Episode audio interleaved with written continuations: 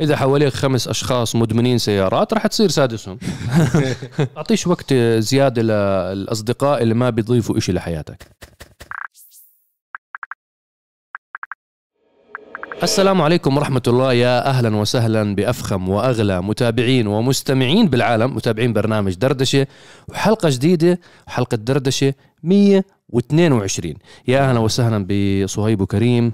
يا مرحبا أهلا وسهلا جميل. بشكرا. حيا الله. مصعب والجمهور وكريم. يا أهلا وسهلا فيكم. أه حلقات دردشة آخر حلقتين ما شاء الله في تفاعل قوي عليها.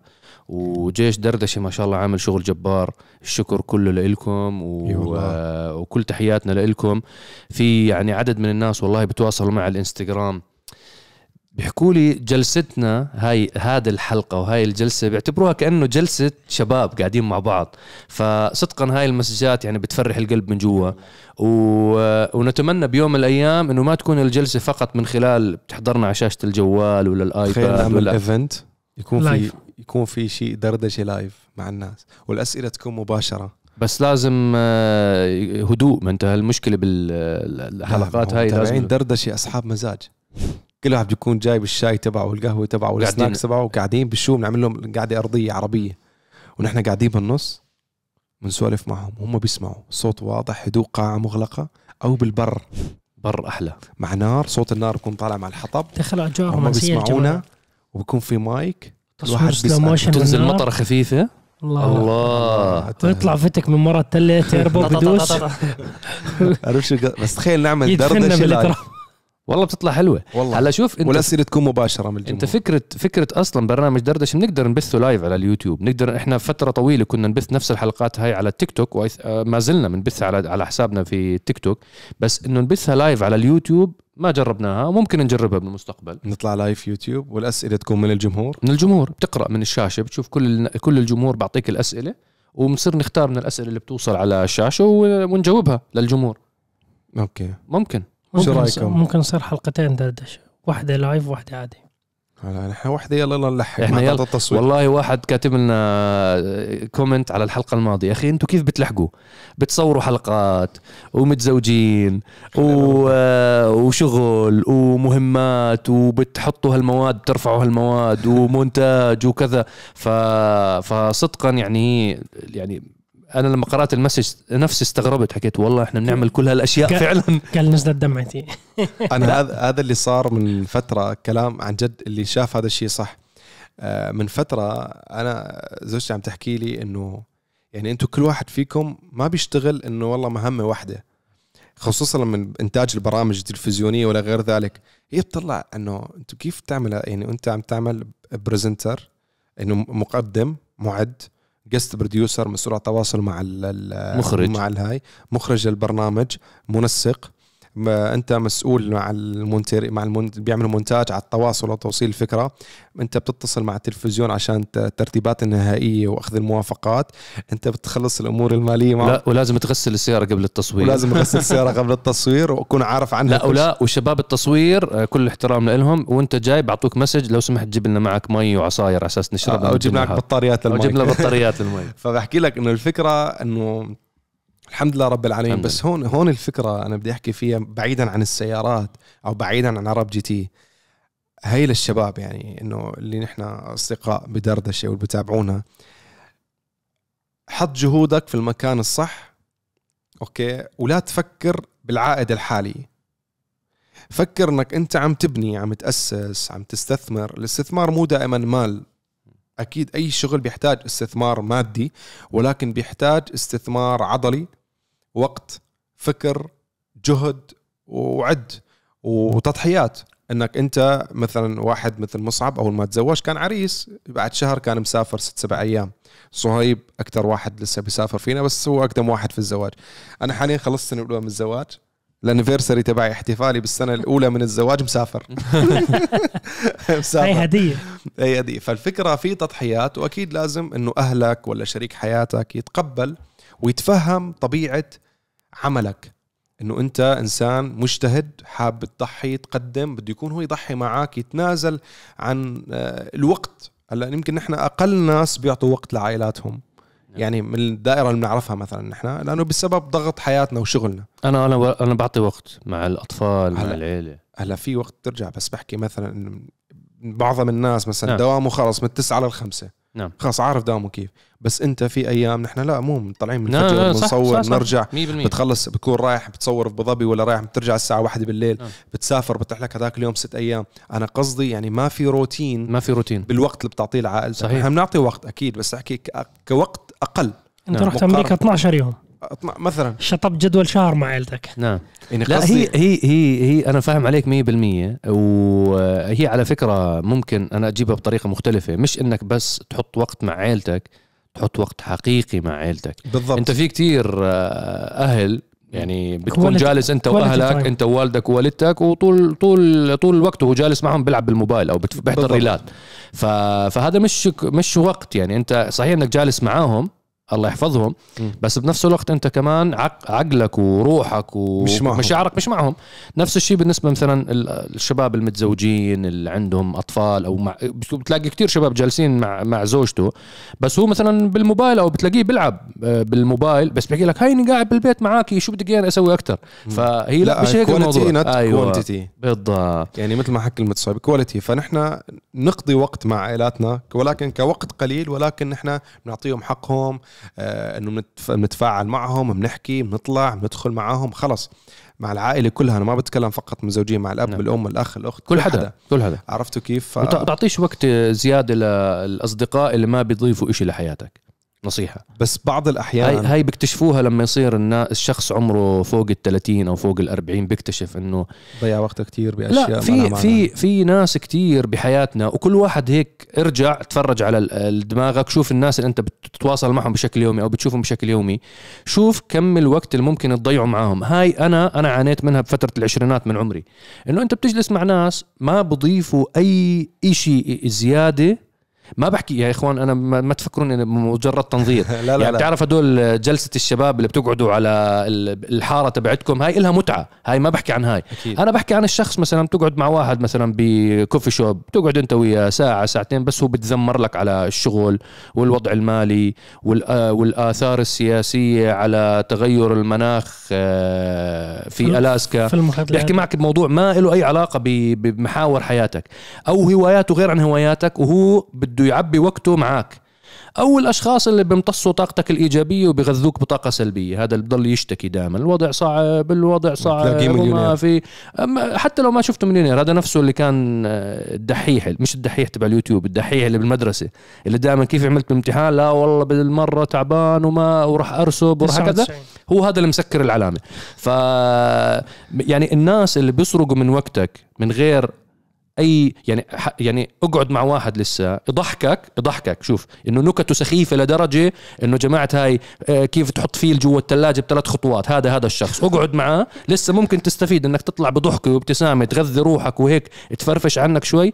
أكثر من الشخص اللي هو بس آه، ما بعرف يا أخي هذا اللي بسرقوا اعمارنا بس ما في إشي ب... ب... ما في on return ما في إشي بالمقابل.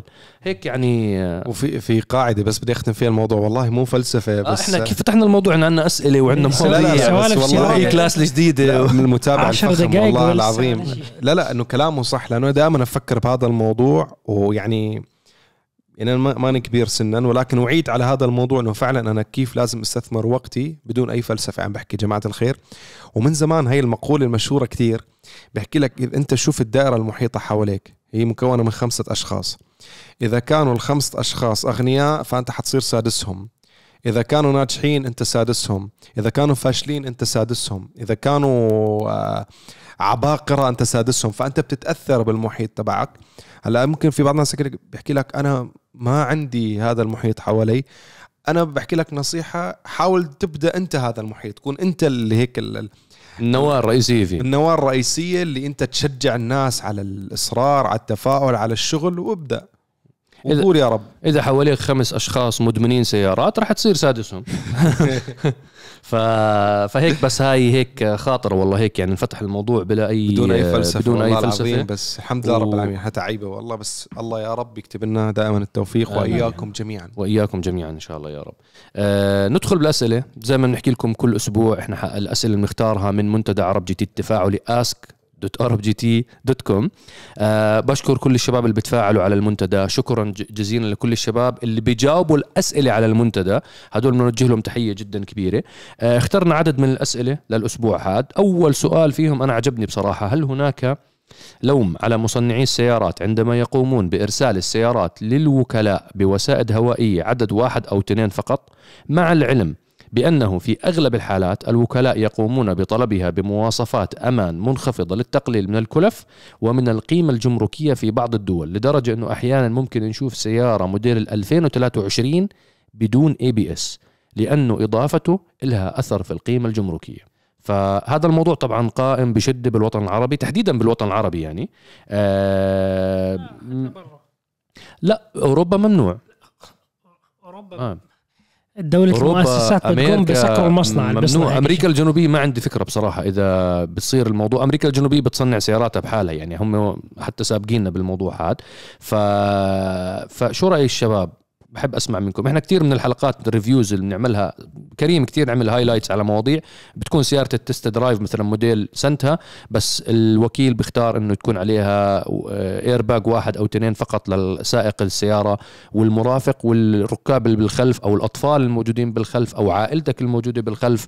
هدول آه، في مثل بيحكي فخار يكسر بعضه إنه شو ما يصير عليهم عادي المهم إنه إحنا حاطين لك هيك لوجو صغير SRS بالأمام.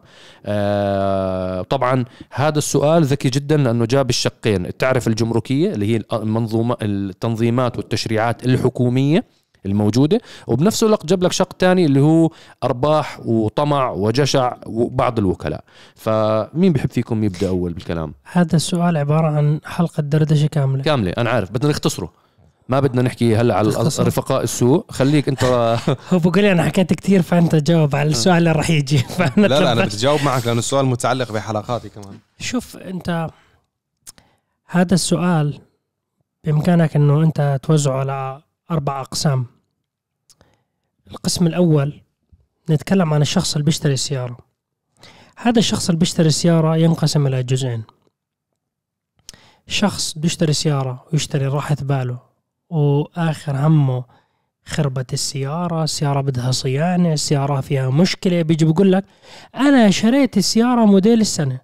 برجعها للوكيل بزبطوها ومفروض هاي السيارة ما تخرب ويرجع لي إياها. يعني هذا اللي بقول لك أنا مو تاع سيارات بس أنا يعني سويت البحث حضرت لي كم حلقة عرب جي تي فعرفت إنه هاي السيارة أفضل من هاي فخلص أنا اخترت هاي السيارة بدي أشتري راحة بالي. بيشتريها. بيجي الوكيل بقول له إحنا جبناها option 1 option 2 option 3 SE SX LT بعطيك هاي المصطلحات والأسماء. شاشة هاي لما تحضر هاي ببرنامج test drive دائما كريم بفصلها وبيشرحها بالتفصيل الفروقات بين المواصفات. 100% فهو الوكيل ممكن يعني يشرح لك بشكل سريع. أنت ما تكون إحنا حكينا بالبداية إنه هذا الشخص مش مهووس كثير سيارات فممكن تعدي عليه النقطة إنه والله في اثنين ايرباك بدل ثمانية. فتمشي معاه. وعامل السعر يعتبر بهاي الجزئية عامل مهم لأنه هو ممكن يقول لك أنا عندي ميزانية معينة ما بقدر أتجاوزها لا صعودا ولا نزولا. أنا ممكن آخذ بالأغلب السيارة تمويل بنكي فبعطيني اياها موديل السنة باخذها وأنا مرتاح. الأمور تمام قضينا قضينا. بعد ما اشتري السيارة واعيش مع السيارة شوي بستوعب إنه أوه اكتشفت إنه في اثنين ايرباج لأنه بطلع له واحد من جيش دردشة وقول ليش شريت هاي السيارة فيها بس اثنين ايرباج ليش ما شريتها ثمانية؟ فبستوعب إنه أكل الضرب بس خلاص. أنت ايرباك مشيها بس ABS هلا بنرجع قليل, قليل كثير من نادر. السيارات بالسنوات نادر. الحالية الحالية صارت إنها بدون ABS هذا حكي زمان. هلا هذا الشق الأول حكينا إحنا الشخص هذا بالأغلب بده يشتري سيارته على البنك وبده يشتري راحة باله بدوش مشاكل وبدوش كل هالسوالف. في شق تاني اللي هو أشخاص هذا للأسف مش منتشر هذا الكلام كثير إنه أنا بروح بشتري سيارة مستعملة وبعطي هاي السيارة حقها كسيارة مستعملة إنه أنا أجددها بطريقة مش بقول لك إنه غير لونها ونجد فرشها لا أنت بتسوي صيانة حسب العمر تاع هاي السيارة للمحرك. في أشياء أساسية لمصات الصدمات. يعني هاي قصة إنه أنا ما ببدل القطعة لحد ما تخرب غلط. أنا بشتري سيارة مستعملة والله معي مثلا ميزانية مئة ألف درهم. راح شرى سيارة جديدة من الوكالة ب ألف درهم. ممكن يجي يقول أنا بدي أشتري سيارة صح أنها مستعملة وبس فيها روح رياضية. تعتبر سيارة حقيقية لشخص يعشق السيارات. مثلا بدي أشتري بدل سيارة مستعمل آه، جديدة موديل السنة لأربع أشخاص توسع. قررت أشتري سيارة والله بدي أشتري سي 63 قديم مستعمل بهاي الميزانية. بس أنا معي مئة ألف كاش. أنا والله راصد 80 ألف سعر السيارة و20 ألف هدول أنا ما بدي إياهم. صيانة. أبدل بطارية إطارات المجموعة الاماميه أضبطها شيالات مصات الصدمات أبدل أبدل أبدل. أنهي ال ألف هاي للصيانة. نعم. فالسيارة بتوقف كمجمل ب ألف. هي سيارة صح إنها قديمة ولكن سيارة تم تبديل كل الأشياء ال- الممكن استهلاكية. الاستهلاكية اللي ممكن تخرب. فرجع صوتها ممتاز. آه، ممكن يبدل الربر اللي على الجنب ما في تسريب هواء أمورها تمام. هي تعتبر لواحد عشق سيارات سيارة حقيقية واقفة. تمام. هذا الثاني. مين الثالث؟ آه، وحكى نوعين بس شخصين هم نوعين بالتفريعات. آه. هذا الشخص اللي بده يشتري سيارة حقيقية زي أنا المبدأ اللي بحكي فيه. مرة سويت حلقة فلوج إنه شو السيارات لعشاق السيارات ممكن يشتروهم. مم. إنه سيارات رياضية معينة حتى لو كانت قديمة بس هي تدل إنه أنت شخص تفهم بالسيارات عاشق سيارات. مثلا أجي أقول لك اشتري هوندا S 2000 هاي اللي بيشتريها صح إنها قديمة بس هاي بيشتريها واحد عاشق سيارات. فاهم قيمة هاي السيارة. هلا الناس كثير بقول لك سياره قديمة شو بدي فيها كشف بس اثنين؟ انت مو فاهم هاي السيارة. هيك بتستفيد إنه عندك اثنين ايرباك بس. هلا هلا في شقين ضل من الكلام تاعي بس هاي مشكلته السيارة المستعملة بده يكون فلوسه كاش لأنه أنت في بعض السيارات المستعملة فيك تمولها على ما البنك اذا كان موديل جديد. في بعض. إحنا موضوع في- التمويل في ما. بدنا ندخل فيه وموضوع هاي لأنه متشعب وكل دولة متشابه. لها قوانين ما أنا حكيت لك هاي هذا الجواب كتير كبير. إيه هلا إحنا نروح على ال- النقطة الثالثة. في عندك الحكومة وفي عندك النقطة الرابعة اللي هو الوكيل. الوكيل. والمصنع نفسه. الحكومة أنا ما بقول لك إنه لا تفرضوا رسوم. أفرضوا رسوم. ولكن آلية فرض الرسوم لازم تكون بطريقة ذكية عبقرية. لما أنا أجي أفرض رسوم أي إشي مواصفات أمان وسيفتي وحماية لركاب المركبة أنا لازم ما أحط عليه رسوم. بالعكس أخفض الرسوم. وأي شيء كمالي وفلسفة و option زيادة. panoramic sunroof آه، شاشات بالمقاعد الخلفية massage. screen آه. لمش لمس تبريد مقاعد تدفئة مقاعد. هناك الجمرك هناك حط الجمرك. بس إياك تيجي كقانون من الدولة تيجي تقول والله سيارة عليها ABS فحط عليه ضد- جمرك. ما هذا مو منطق. هذا ترى أنت بتساوي خلل بالمنظومة. لأنه أنت صار الوكيل إنه همه الوحيد إنه يقلل مواصفات الأمان مشان يقلل من الرسوم الجمركية. فهذا الإشي غلط. الحكومة وظيفتها أن تحافظ على سكان البلد وتحميهم. فأنت لما تسوي لهم شوارع وبنية تحتية صحيحة وتيجي تقول قانون الضريبة للسيارات أي شيء حماية لسائقين وراكبين المركبة يعتبر دعم وتخفيض من الجمرك. وأي شيء زيادة وكمالي هون اعطيه هون اعطيه الضريبة ما بزعل. أو كرسي جلد حط رسوم زيادة. كرسي قماش رسوم أقل. أوكي. نعم. فهاي نقطة مهمة جدا. في عدد كثير من الأشخاص يظن إنه سيارة لو فيها 20 وسائد هوائية 20 ايرباج جوا السيارة وأنا ضربت حادث على سرعة 200 أنا راح أضلني عايش. إذا رب العالمين بده إياك عايش لو تضرب حادث على سرعة 350 راح تضل عايش. لو توقع طيارة وأنت هيك يفتح الباب توقع من الهواء ورب العالمين بده إياك عايش راح تضل عايش. ما اختلفنا. بس إحنا بنحكي بمنطق. أنت ليس بالضروره تضل عايش. عادي جدا تضرب حادث قوي كثير ما يفتح ولا ايرباج بالسيارة أصلا. لأنه في كثير بس ظروف بس بس وعوامل وعوامل تؤثر. كل اختبارات السيارات للشركات تاعت نظام وسائد الأمان وحتى الاختبارات تاعت أوروبا وأمريكا ما بتصير على سرعات أعلى من 80 نعم. كل السرعات أقل من 80 فأنت لما تيجي تضرب حادث على سرعة 140 وتقول لازم اضلني عايش لأنه في كثير ايرباجز مش بالضرورة تضل عايش. ولا ضرورة إنه جسم السيارة والهيكل إنه ضل ماسك ومستحمل هاي قوة الضربة. أنت دعمت بشاحن بعكس السير ماشي. هلا ما بدنا ندخل صهيب أنت ما, ما بدنا نوسع الموضوع. أنا ما بدي نحكيها ب- ب- بس هي- بس هي الموضوع. بس هي المبدأ إنه ال- هاي إلها الوكيل درجة أنت. معينة. الوكيل وكيل. الوكيل يعني هاي في مسؤولية عليه إنه أنت لما تيجي تقول أنا بدي أوفر بهاي الأوبشن مشان أكسب زيادة فلوس. ترى أنت يعني ال- الموضوع مش بس ربح فلوس.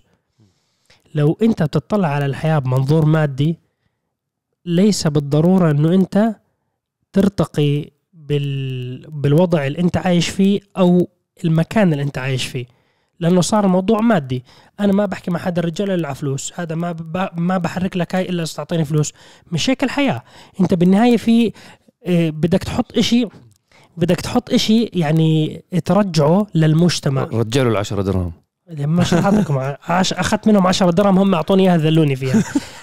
وما راح أعطيكم إياها راح أوريهم إياها الحلقة على دردشة 500 أطلعها محفظتي إن شاء يعني. الله إن شاء الله. على دردشة 500 ذكرونا أطلع الورق. والله أول بقالة بوقف عنده لا يعطيه اياها للرجال ويحكي له تفضل. تاع الفاليه راح اعطيه اياهم لأنه كل مرة بكون مقطوع.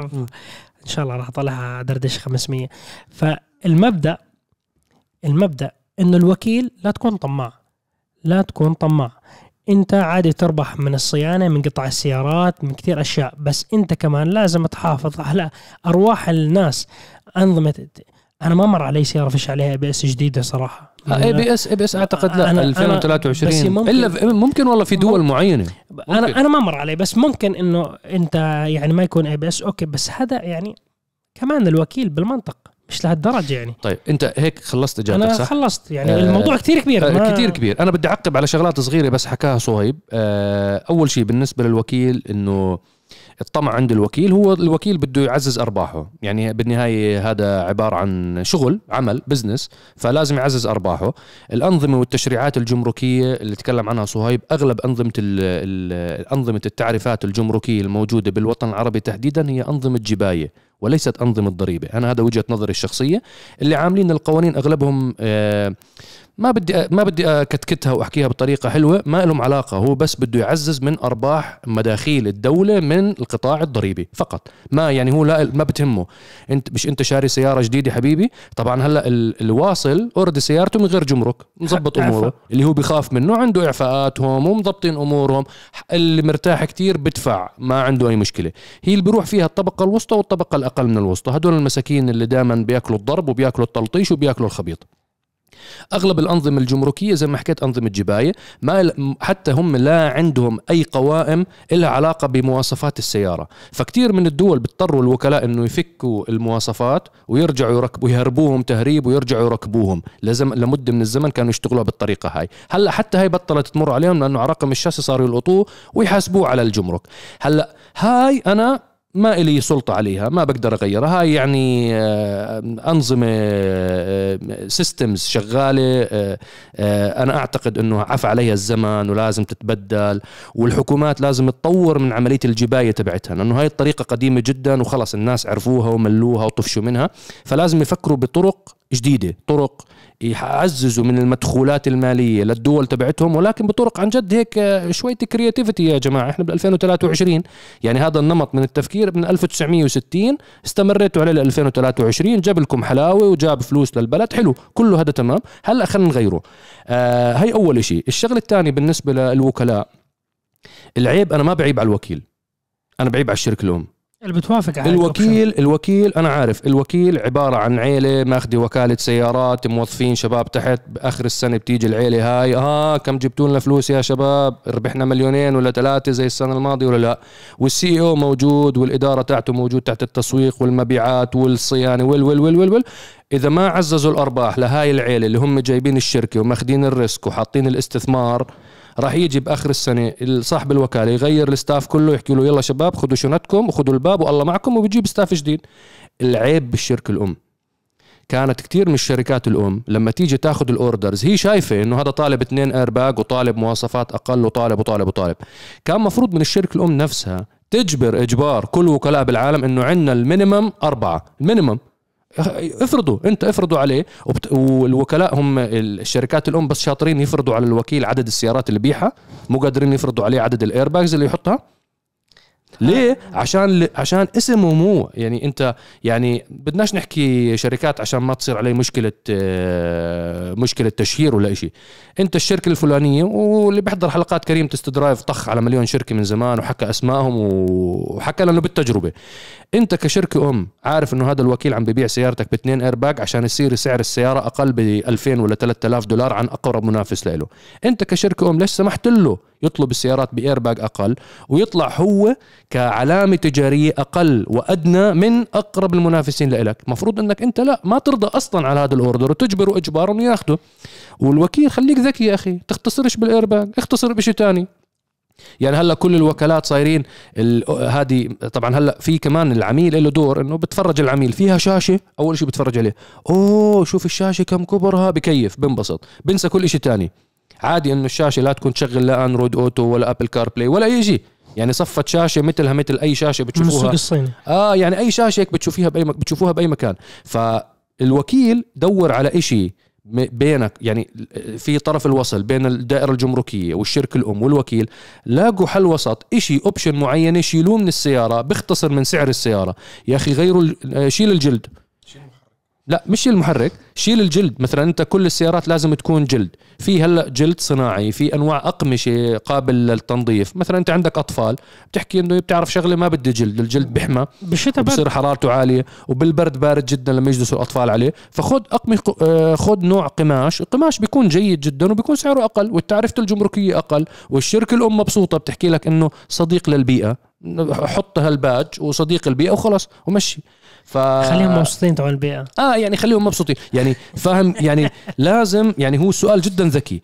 هل ال ال ال الدو يعني إحنا حكينا الموضوع هلا بنسمع من كريم. أنا وجهة نظري الشخصية أنت كشخص كفرد تحضر حلقات دردشه متابع لعالم السيارات دليل إنك أنت بتحب المجال هذا.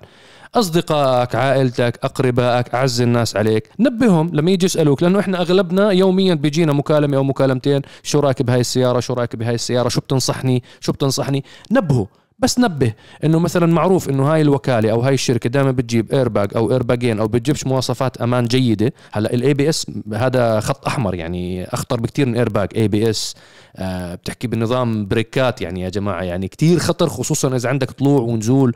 وإحنا مش بعصر السبعينات والثمانينات يعني خلص تجاوزنا ال ABS آه نبه هذا الأخ اللي بيسألك أو الصديق أو من العائلة نبه إنه انتبه هذا الوكيل تحديدا شهر فيه بمستوى شخصي.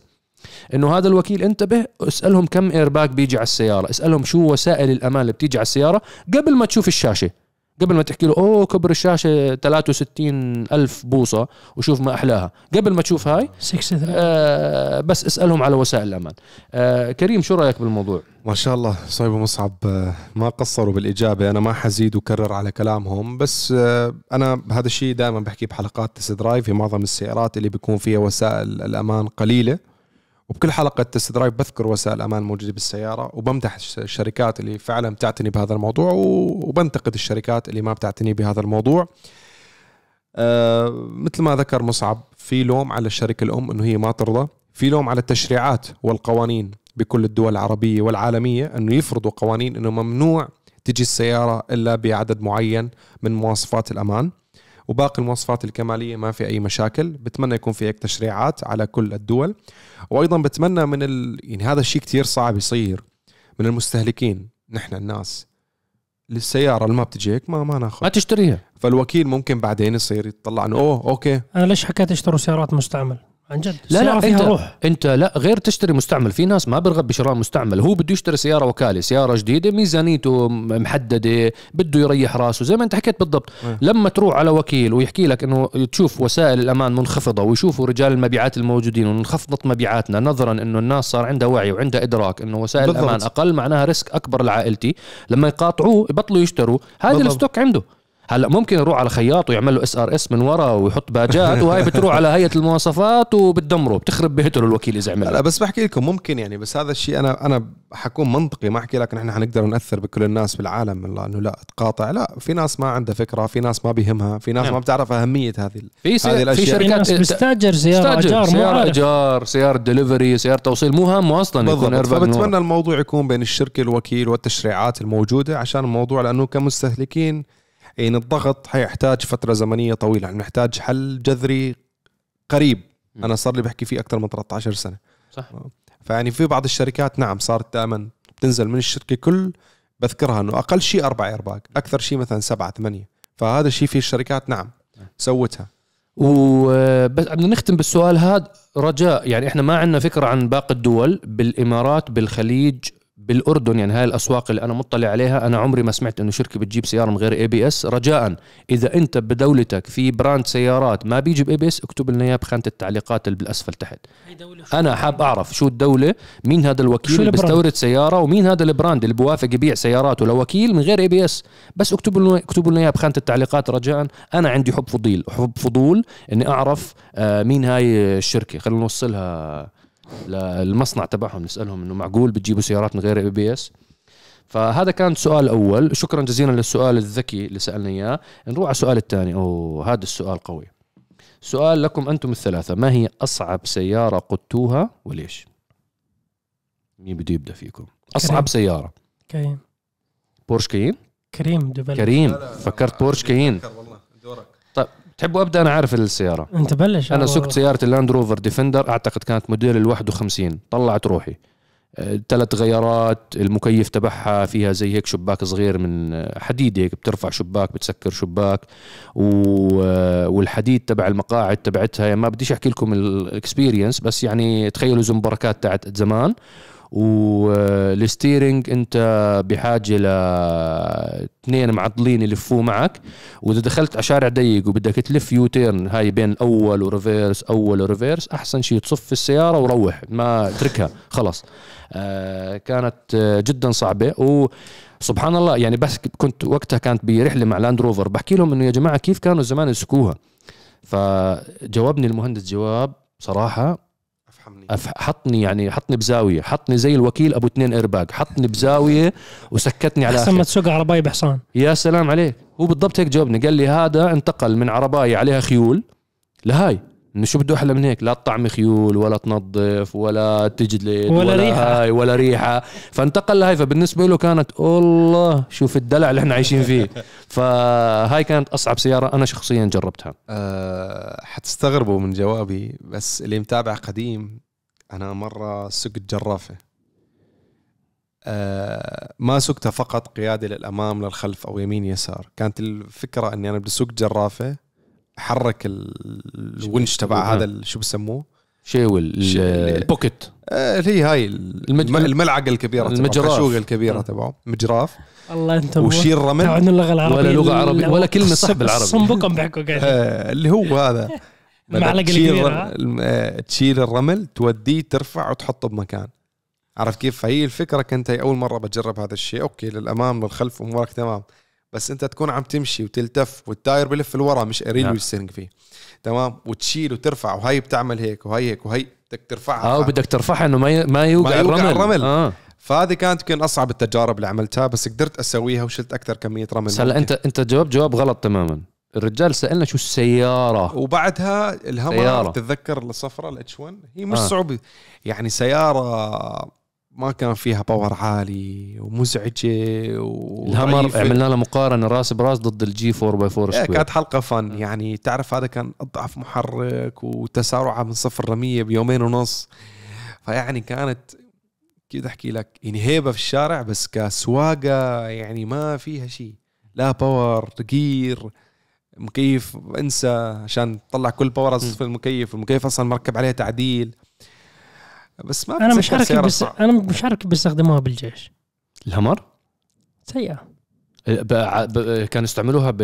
okay، بالتسعينات. ماكينة الديزل لليوم بيستخدموها الهمر ماكينة الديزل okay قوة أحسن. بس السيارة ما ب- بحس ممكن يتم إنتاج للجيوش سيارات أحسن من الهمر بكثير. هم الجيوش لازم يحولوا كهربائي عشان. البيئة.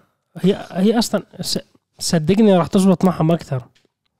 لأنه لما تتفجر السيارة من تحت البطاريات ما امتص الضربه فالعزل والتصفيح بطاريات أحسن. أنت lithium ion تضرب عليه يعني بعطوك دقيقة قبل ما ينحرق الجندي جوا. آه انفجار مزدوج بصير. يعني ب- أنا بحكي لك جنود ويستعملوا آه، مفيدة للبيئة. هو ليش رايحين يحاربوا أصلا؟ ليش رايحين يعملوا حروب أصلا؟ يقعدوا زي العالم وخلص اسمح لي tactical silent بروح بدون صوت. إيه؟ بوصل للعدو silent بدون صوت. بكون في صوت الإطارات بس. فيعني الناس يعني حولت النكتة لحقيقة هلا. آه، بدخل معك بالجدال. طبعا هاي هاي هوايته لصهيب الأمور العسكرية والحربية. لا بس آه، في كثير آه، مدرعات وأشياء ممكن تضبط تتحسن يتم تصنيعها تكون أحسن من الهامر. فأصعب سيارة أنا سقتها بتذكر بيوم من الأيام كنت بأمريكا كنا بدنا نسوق الكامارو الجديد. أتوقع سنة 2018 17 كامارو 2016. كامارو موديل أو 2000 2016 2016 الجيل الجديد كان ال C 7 موجود. آه C 7 طلع 14 عادي. إيه، كان موجود. كامارو ولا كورفت؟ كامارو كنت أسوق. بس الجيل الجديد أنا- 2016 أنا أنا لما رحت كانوا حاطين كل الكورفت موجود من ال C 1 لل C 7 يعني غير الكامارو نعم. كنت أنا والكابتن فلاح الجربة بأمريكا. لما أخذ اللقب. نوجه له تحية تحياتي. كابتن فلاح. فسقنا الكورفت بكل أجياله من الجيل الأول للجيل السابع. كان أسوأهم الجيل الأول. كارثة. موديل كم هو الجيل الأول تبع الكورفت؟ 68 لا بجوز قبل. ب- أنا صدقا كنت أكبس brake. يعني السيارة بدها يوم ونص وهي توقف. كابس full brake. عرفت هذا ال-.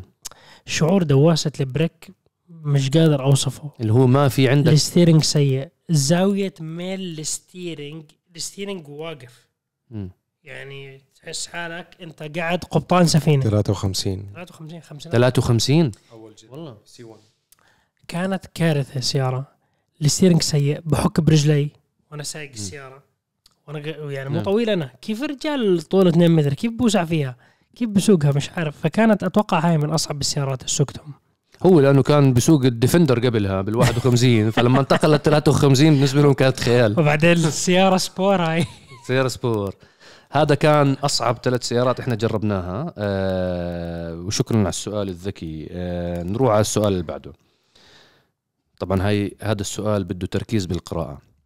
تستنسخ موديلاتها بشكل صريح من نيسان. توقف الدفع الخلفي بشكل تدريجي. فقدت عنصر الفخامة في السنين الأخيرة وأصبحت مجرد نيسان full option مستوى الجودة والمبيعات في الحضيض. ما خطط إنفينيتي المستقبلية وما رأيكم فيها كعلامة اليوم؟ طبعا أول شيء بدي أشكرك على السؤال وصيغة السؤال. أنت دمرت الشركة بعدين آخر شيء ما خطط إنفينيتي المستقبلية. حطمتها تحطيم بعدين ما خطط إنفينيتي.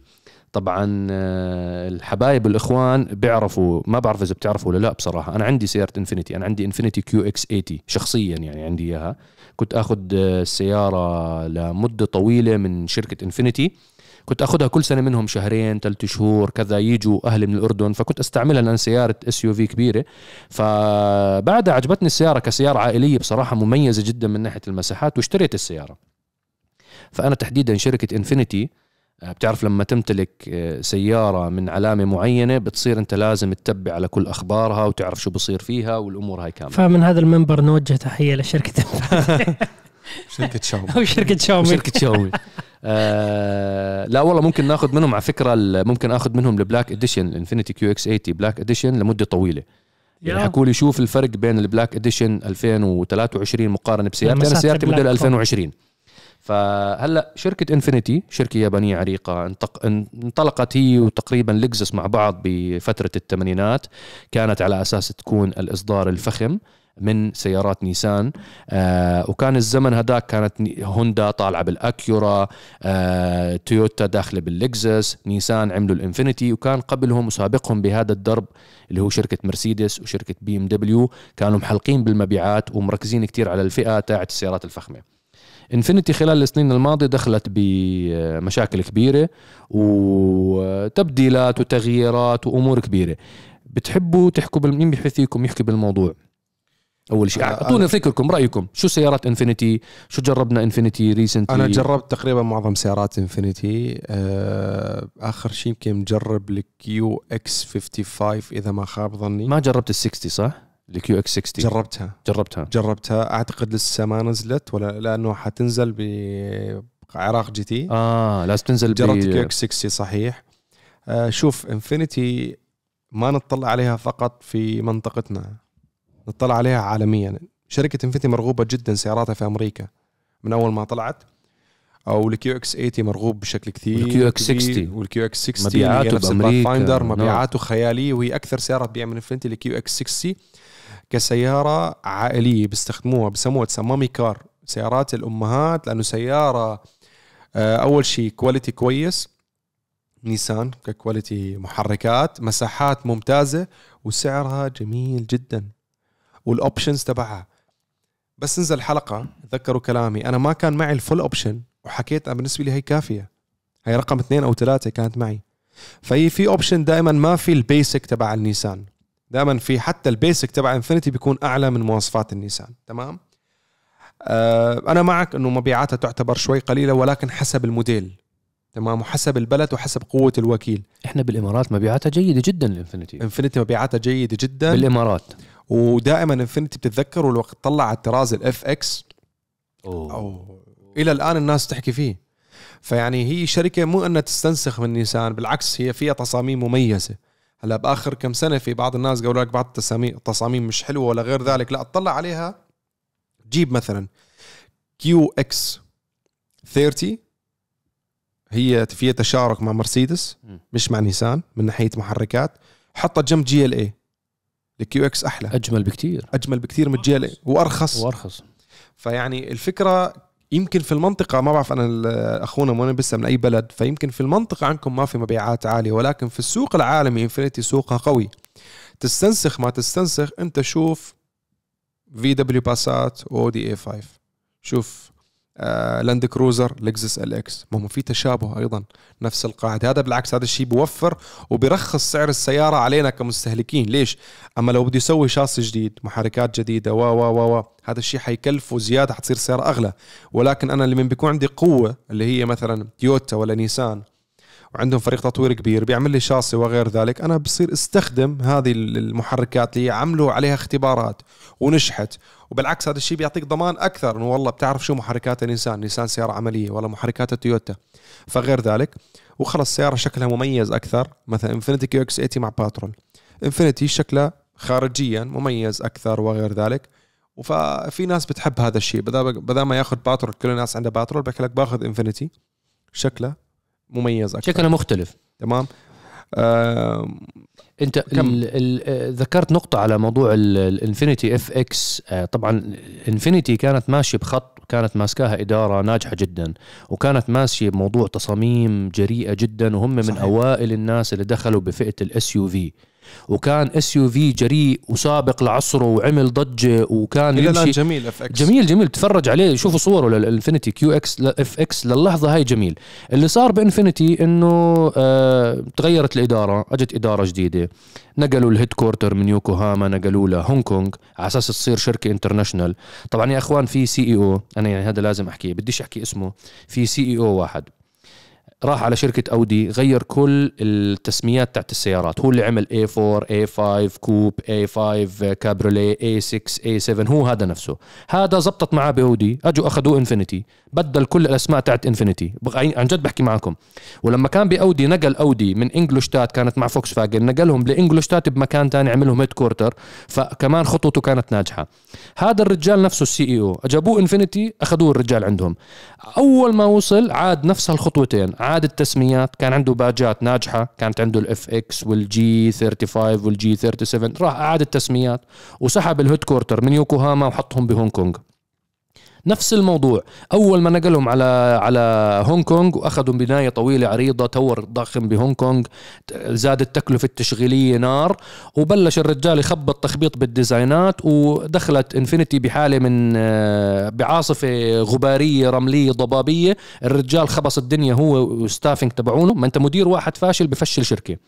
فدخل الشركة ب 15 سنة من الضياع من وراء قراراته اللي كانت خطأ وكان ماخذ green light من ال board تبعون نيسان. نيسان دخلت بمرحلة كمان آه، ضبابية خصوصا مع مع قضية آه، كارلوس غصن والقضية اللي صارت عليه وما علينا بديش أدخل بتفاصيلات كثيره هذا الرجال نفسه وين راح؟ بعد ما خبص الدنيا بإنفينيتي. وين مين اخذوه أخذوه كاديلاك. أول ما استلم كاديلاك نقلهم من ديربورن حطهم بنيويورك وغير كل التسميات تاعت الكاديلاك. لما وصل عند الباش تبع الاسكاليد انتبهوا عليه حكوا آه هذا نفسه تبع إنفينيتي وهذا نفسه اللي عمل ب ب أودي. أودي زبطت معاه. حكوا هذا بده يخرب الدنيا. وفعلا خرب الدنيا. وصلت معاه على تغيير الاسكاليد كم سيارة اسكاليد وصلت معه كم سيارة من كذلك؟ خ... لم تبصر نور لم خلاص. تبصر نور. هلا قلبوا كهرباء الجماعة من وراه كان وكان دائما عنده حب للسيدان هذا المدير نفسه عنده حب للسيدان. هو لما راح على إنفينيتي قتل ال FX عشان يوجهها للسيدان. ولما كان بأودي هو نجح بالاي 4 والاي 5 والاي 6 لأنهم سيدان كان هذاك الزمن بده سيدان. لما أجى على كاديلاك أول شيء غير كان زمان سي تي اس كان قبل السي تي اس إكس تي واكس ال ار وكان عندهم كمان سي تي اس كان اسمها؟ صارت آه، سيتي 5 صارت. صارت سيتي سيتي- 6 في كان في سيتي 6 سيتي 6 غير كثير أسماء. غير الأسماء تبعت الهاي وصار حتى بده يغير وبدوش التوجه ل... لل crossover وال... وهاي. حتى الاسكاليد كان بده يغير اسمه. كان بده يعمل XT8 ولا بده يسميه اسم تاني. فالمهم راح الرجال. انفينيتي أنا أعتقد إنه لها بداية جديدة. مش أعتقد. متأكد إنه لها بداية جديدة وانتظرونا بإطلاق ال QX 80 آه الجديدة بالكامل. أعتقد شركة إنفينيتي راح تبصر النور ب vision جديدة بروح جديدة بطاقة جديدة من انطلاقة الانفينيتي QX 80 آه هو راح يمثل انتقال الشركة نحو الفخامة اليابانية الأصيلة القديمة.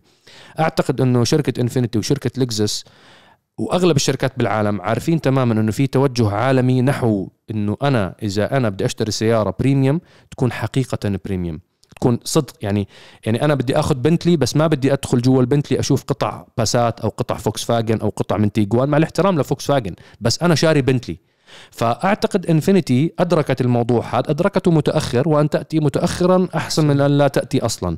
فأعتقد هذا النمط تبع التصنيع راح ينعكس فورا على الإنفينيتي QX 80 خلال السنة القادمة. السنة أعتقد إن هي نهاية السنة راح يطلقوها.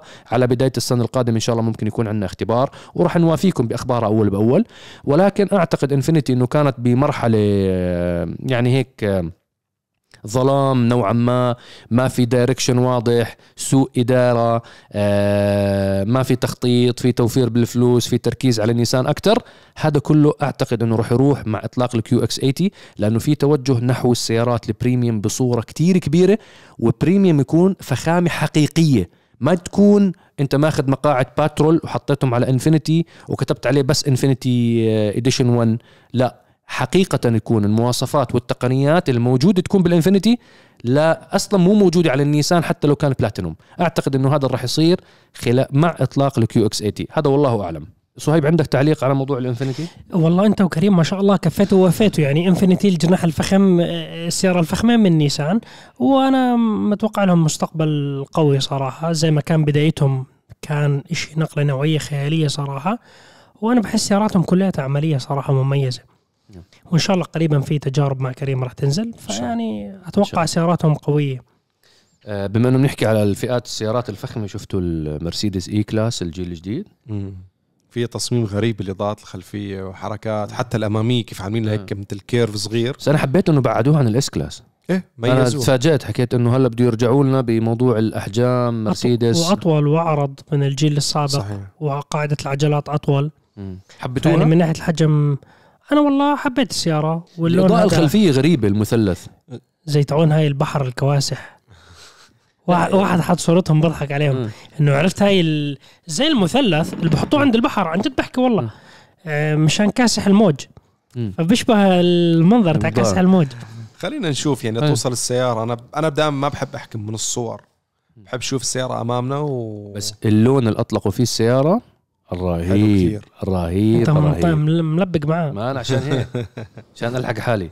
خلينا ننتظر ونشوف السيارة ننتظر ونشوف. بس الله يستر من ال AMG منها اربعه سلندر. خلاص هي وال C 63 هي هذا كله. المحرك الجديد خلاص. الاربعه آه. سلندر بده يمشوا فيه آه، أعتقد إنه هيك آه، بكفي لحلقتنا لليوم لدردشة 122 آه، طبعا حلقات ما تفوتكم الحلقات الماضية نزلت آه، الأسبوع الماضي الجمعة الماضيه كانت في تجربة مع صهيب لسيارة ال EQE من البرتغال جربتها ال EQ من البرتغال تجربتي لها أول تجربة بالعالم. هل- هلا نزلت الجمعة يعني أنتم الجمعة هاي. تحضرونا؟ والجمعة السابقة السابقة كانت بالعيد ال EQS. اي كيو إس إس يو في مايبخ ونزلت آه، حلقة ال Q8 e-tron الكهربائية من أودي أيضا على برنامج سيس درايف. إن شاء الله تكون عجبتكم. وشو أيضا؟ ونزلت و special الموستنج. الموستنج twin turbo من العراق ما شاء الله. ضربوا أكشن. فهذه كانت دردشة لليوم. نشوفكم إن شاء الله ال weekend القادم الجمعة القادمة إن شاء الله. دعواتكم لنا ودعواتنا لكم شكرا لمتابعتكم وشكرا للمستمعين على كل منصات البودكاست. إن شاء الله نوصل مع بعض نحو شعارنا الدائم للعالمية باسم العرب مع عرب جي تي. سلام عليكم. سلام في أمان الله.